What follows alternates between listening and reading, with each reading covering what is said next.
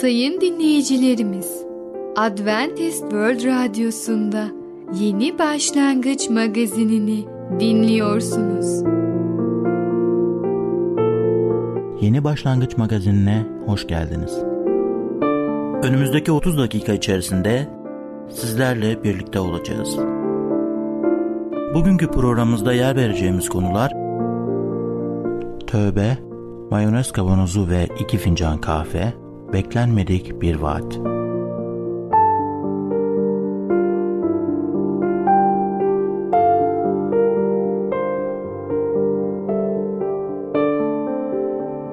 Adventist World Radyosu'nu dinliyorsunuz. Sizi seven ve düşünen radyo kanalı. Sayın dinleyicilerimiz, bizlere ulaşmak isterseniz e-mail adresimiz radio.umutv.org radio.umutv.org Bizlere WhatsApp yoluyla da ulaşabilirsiniz. WhatsApp numaramız 00961 357 997 867 06 00961 357 997 867 06 Merhaba değerli dinleyicimiz. Ben Tamer. Başarılı Yaşam programına hoş geldiniz. Bugün sizlere birbirimizle paydaşlık hakkında konuşacağım. İlk önce size Yuhanna 13. bölüm 34 ve 35. ayetleri okuyacağım. Size yeni bir buyruk veriyorum. Birbirinizi sevin. Sizi sevdiğim gibi siz de birbirinizi sevin. Birbirinize sevginiz olursa herkes bununla benim öğrencilerim olduğunuzu anlayacaktır.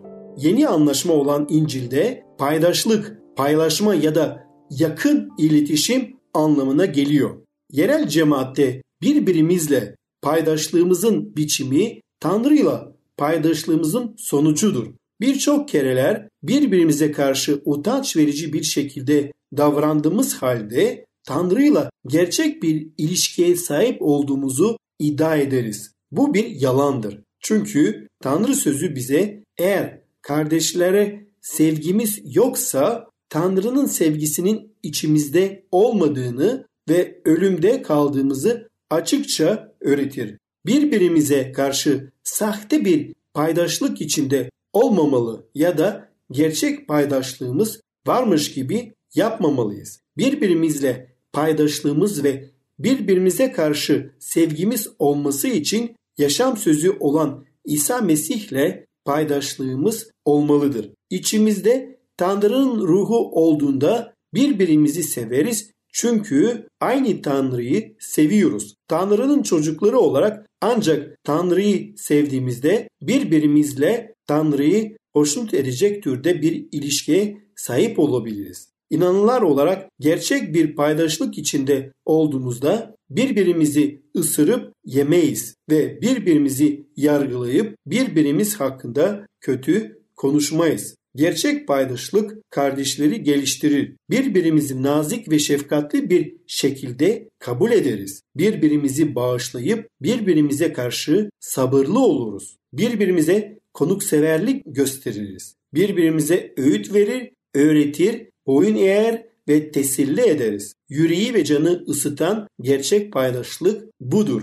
Hristiyanlığı çekici kılan kardeşlerin birbirine olan sevgisidir. Ama bu sevgi olması için ilk önce bir İsa Mesih'e bakalım. Mesih'in sevgisini kavrayalım. Babasına benzemeye çalışan küçük bir çocuk görmüşsünüzdür. Babasının yürüyüşünü, konuşma tarzını, hareketlerini taklit ediyor olabilir. Zamanla onun ahlaki ve manevi değerlerini de benimseyebilir. Evet, çocuğun biricik babasına duyduğu sevgi ve hayranlık onda babasına benzeme isteği uyandırır. Acaba İsa ile gökteki babası arasında ilişki konusunda ne söyleyebiliriz? İsa bir keresinde ben babayı severim demişti. Yuhanna 14.31'de. Hiç kimse Tanrı'yı diğer varlıkların yaratılmasından çok önceleri de babasıyla birlikte olan sonsuzluğundan gelen oğuldan daha fazla sevemez. Bu sevgi sadık oğlunun babasına benzemek istemesine neden oluyor. İsa'nın Tanrı'nın kudret, adalet ve hikmet niteliklerini nasıl kusursuz şekilde örnek aldığını daha önceki konularımızda sizinle paylaşmıştık. Acaba o babasının sevgisini hangi yollarla yansıttı? Şimdi İsa'nın sevgisini üç yönünü hep birlikte inceleyelim. Özveri ruhunu, derin şefkatini ve bağışlayıcılığını inceleyelim. Daha büyük sevgi kimsede yoktur. İsa özverili sevgi konusunda göze çarpan bir örnektir. Özveri başkalarının sorunlarını ve gereksinimlerini hiçbir çıkar gözetmeden kendimizdekilerinden önde tutmaktır. İsa böyle bir sevgiyi acaba nasıl gösterdi? Bunu kendisi bir adamın dostları uğruna canını vermesinden daha büyük sevgi kimsede yoktur diyerek açıkladı. Gerçekten de kendi kusursuz yaşamını bizler için feda etti. Bu bir insanın gösterdiği en büyük sevgidir. Fakat İsa özverili bir sevgiyle sahip olduğunu başka şekillerde de gösterdi. Tanrı'nın biricik oğlunun gökleri bırakması neden sevgiden kaynakladığını hep birlikte bakalım. Tanrı'nın biricik oğlu insan olarak dünyaya gelmeden önce göklerde ayrıcaklı ve yüce bir konumda bulunuyordu. O yüce babayla birlikteydi. Tanrı'yla pek çok ruhi yaratıkla yakın dostluğu sahipti. Ama sahip olduğu bütün bu özel avantajlarına rağmen kul suretini aldı ve insanların benzeyişinde olarak kendini hali kıldı. Filipiler 2.7'de. Kötü olanın denetiminde bulunan bir dünyada günahkar insanların arasında yaşamayı razı oldu. Ve o böylece sevgiden kaynaklanan muazzam bir özveride bulunmamış mıydı? Gerçekten o Tanrı ile birlikteydi. Tanrı gibi çok özel bir konumu vardı ve yetkiye sahipti. Ama o yetkisini, konumunu hiçe sayıp bundan vazgeçip bir insan olarak 2000 yıl önce bu dünyaya geldi ve bizim gibi oldu. Ama günah işlemedi. İsa yeryüzündeki hizmeti boyunca özverili sevgiyi çeşitli şekillerde gösterdi. Asla çıkarını düşünmedi. Kendini hizmetine öylesine vermişti ki gündelik yaşamda alışılmış rahatlıklardan bile bu uğurda vazgeçti. Tilkilerin inleri ve gök kuşların yuvaları vardır. Fakat insanoğlunun başını yaslayacak yeri yoktur dedi Matta 8.20'de. Usta bir marangoz olduğundan isteseydi zamanının bir kısmını kendine rahat bir ev inşa etmeye ya da güzel mobilyalar yapıp satarak para kazanmaya ayırabilirdi. Ama becerilerin maddi kazanç elde etmek için o kullanmadı. Değerli dinleyicimiz, biz bu sevgiye bakınca Efendimiz İsa Mesih'in bize gösterdiği örneği görünce o zaman biz de onun sevgisinden sahip olmak istiyoruz. Biz de onun gibi olmak istiyoruz. Onun sevgisini kendi hayatlarımızda paylaşmak istiyoruz. Diğer insanlarla da paylaşıyoruz ve böylece diğer insanlar da bizim harika kurtarıcımızı öğrensinler. Onlar da onun harika sevgisini görsünler. Değerli dinleyicimiz, bugün birbirimizle paydaşlık hakkında konuştuk. Bir sonraki programda tekrar görüşmek dileğiyle hoşça kalın.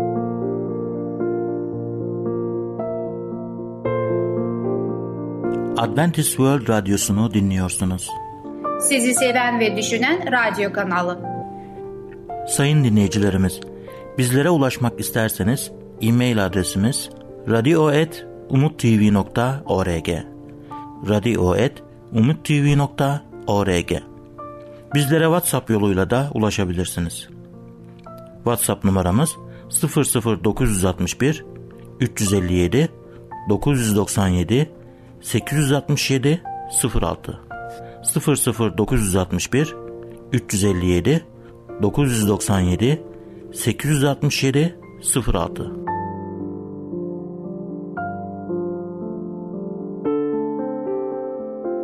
Merhaba sayın dinleyicimiz. Ben Fidan. Yeni başlangıç programımıza hoş geldiniz. Bugün sizinle birlikte kendi kendini zehirleme adlı konuyu öğreneceğiz. Öyleyse başlayalım. Kendi kendini zehirleme. Kendi kendini zehirleme sağlığımızın en büyük düşmanıdır. Bu durum pek çok hastalığın nedenidir. Çünkü bu hastalıkların tümü kanın zehirlenmesiyle başlar. Eski Mısır ve Tibet şifacıları çok uzun zaman önceden temel ilkenin ne olduğunu biliyorlardı. Sağlığımızın iyi olması, bağırsaklarımızın çalışmasının iyiliğine bağlıdır. Hipokrat da pek çok hastalık bedenimize ağız yoluyla girer demişti. Her zaman olduğu gibi haklıydı.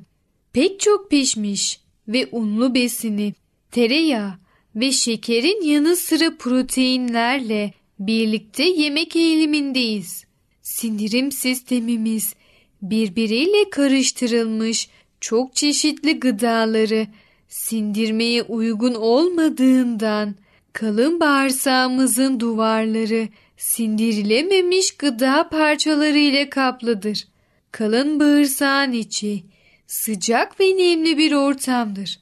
Sindirilememiş gıda parçaları zararlı bakterilerle dolu bir kütle haline gelir ve bu zararlı bakteriler kendi metabolizmalarının zehirli yan ürünleri olan toksinler üretir.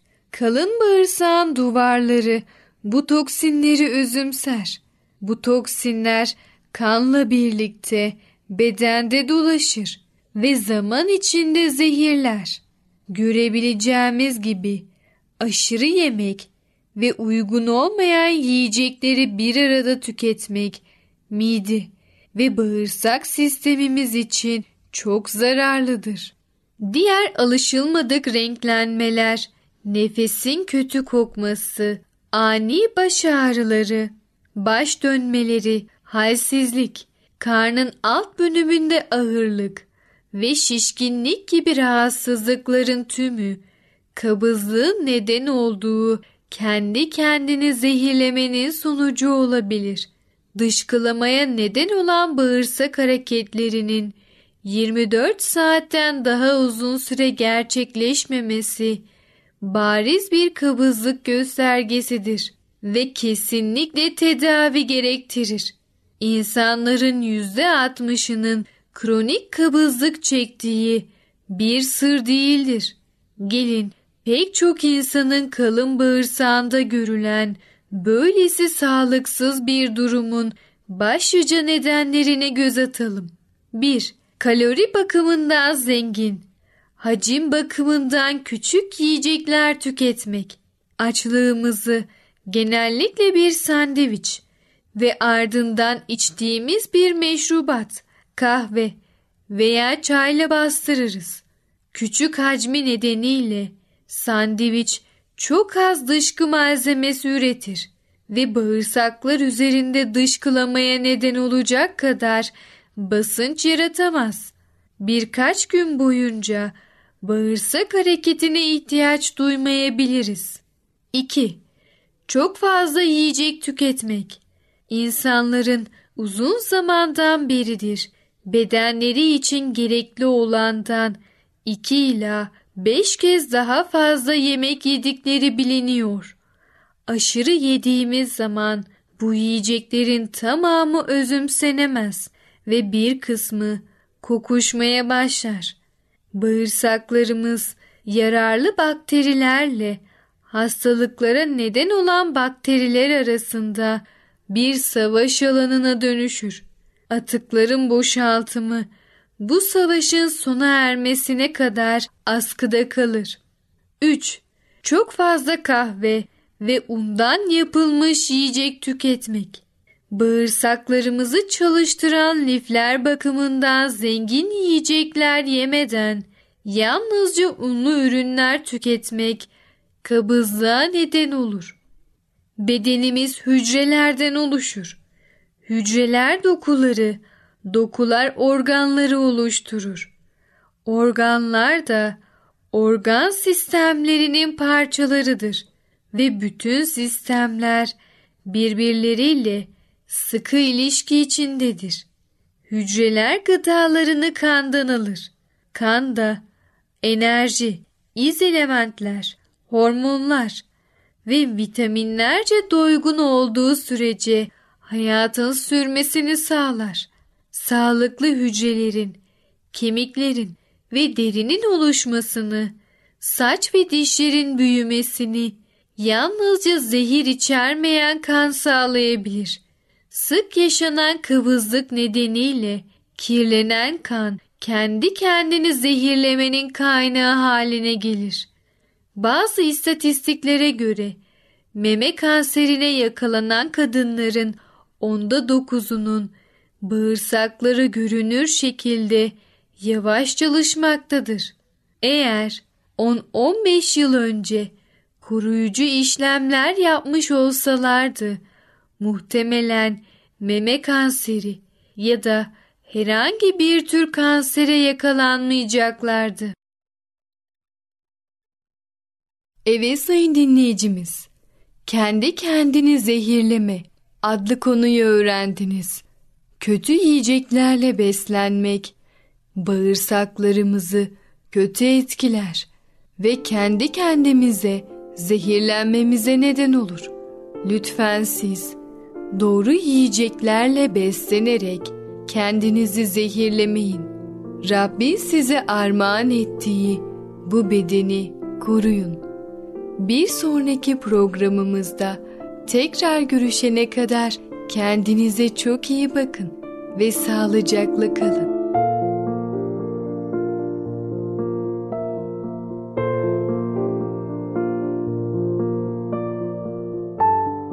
Adventist World Radyosu'nu dinliyorsunuz. Sizi seven ve düşünen radyo kanalı.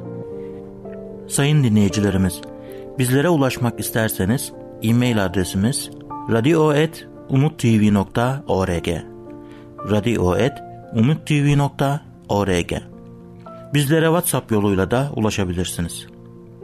WhatsApp numaramız 00961 357 997 867 06 00961 357 997 867 06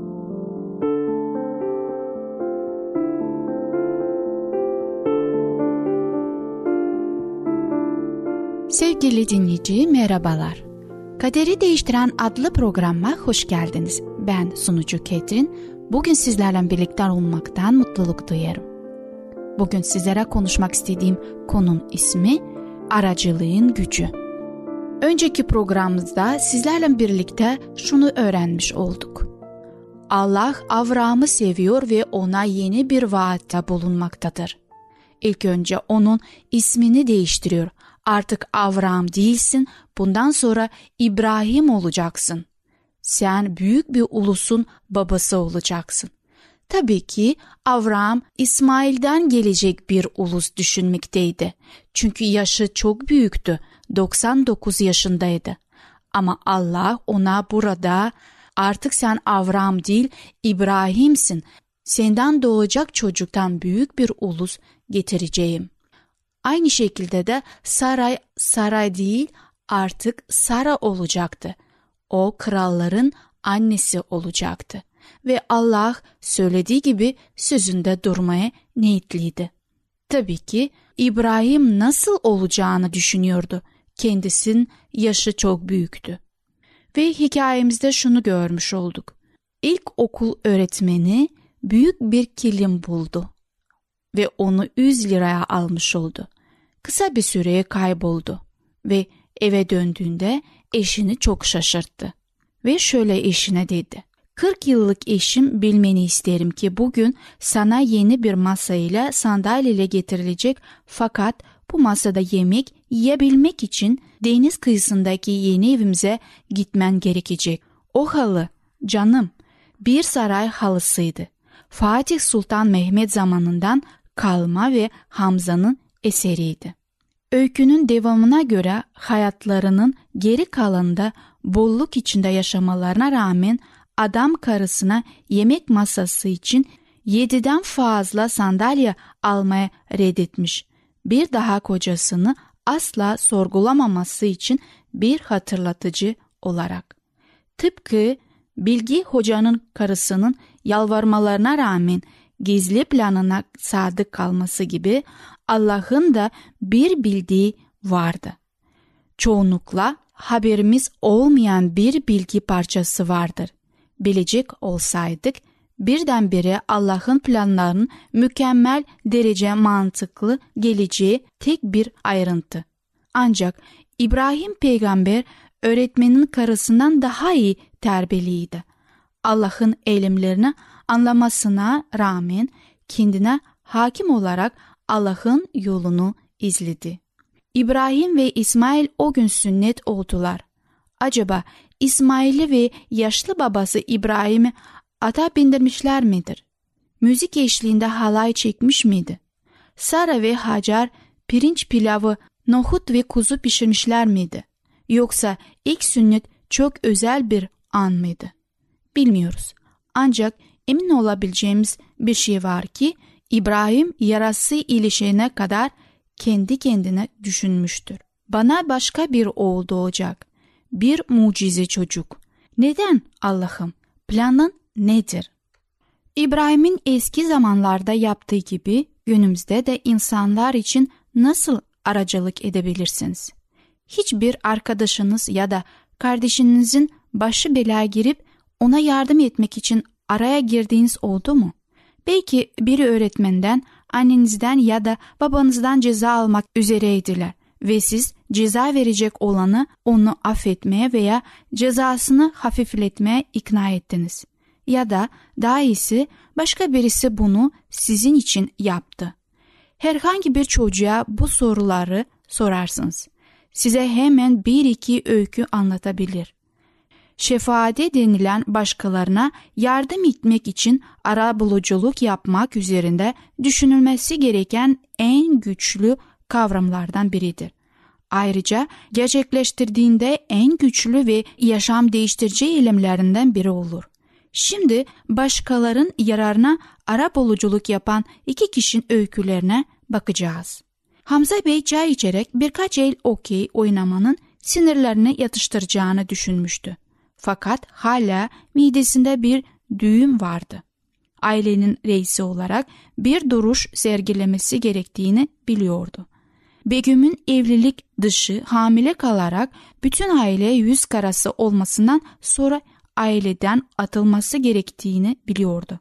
Ancak derinlerde bir yerlerde kızının tek başına kalması düşüncesi ona sıkıntı veriyordu nerede olduğunu ve başına neler gelebileceğini düşündü. Haberi ilk kez Begüm'ün kendi ağzından duyduğunda duygularına hakim olamamıştı.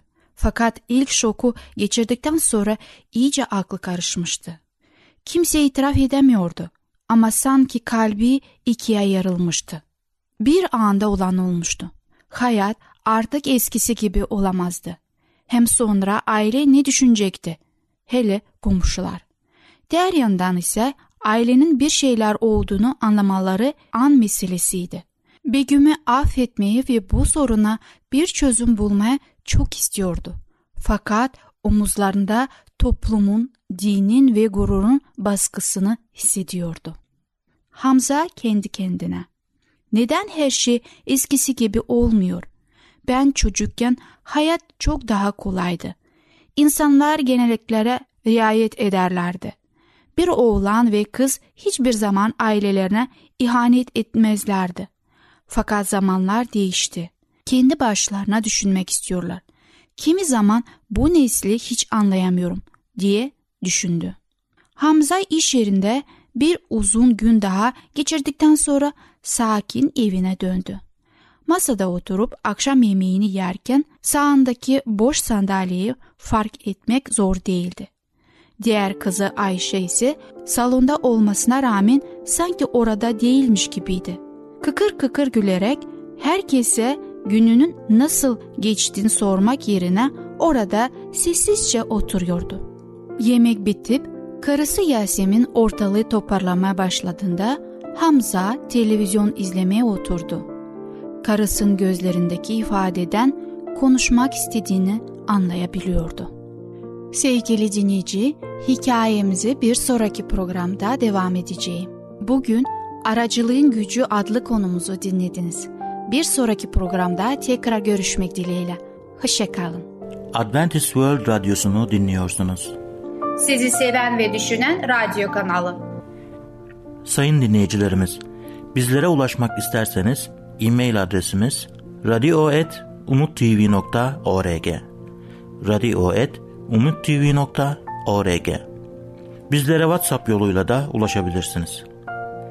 WhatsApp numaramız 00961 357 997 867 06 00961 357 997 867 06 Gelecek programımızda yer vereceğimiz konular Tövbe, mayonez kavanozu ve iki fincan kahve, beklenmedik bir vaat. Yeni Başlangıç adlı programımızı pazar, salı ve perşembe günleri aynı saatte dinleyebilirsiniz. Bir programımızın daha sonuna geldik. Bir dahaki programda görüşmek üzere, hoşçakalın.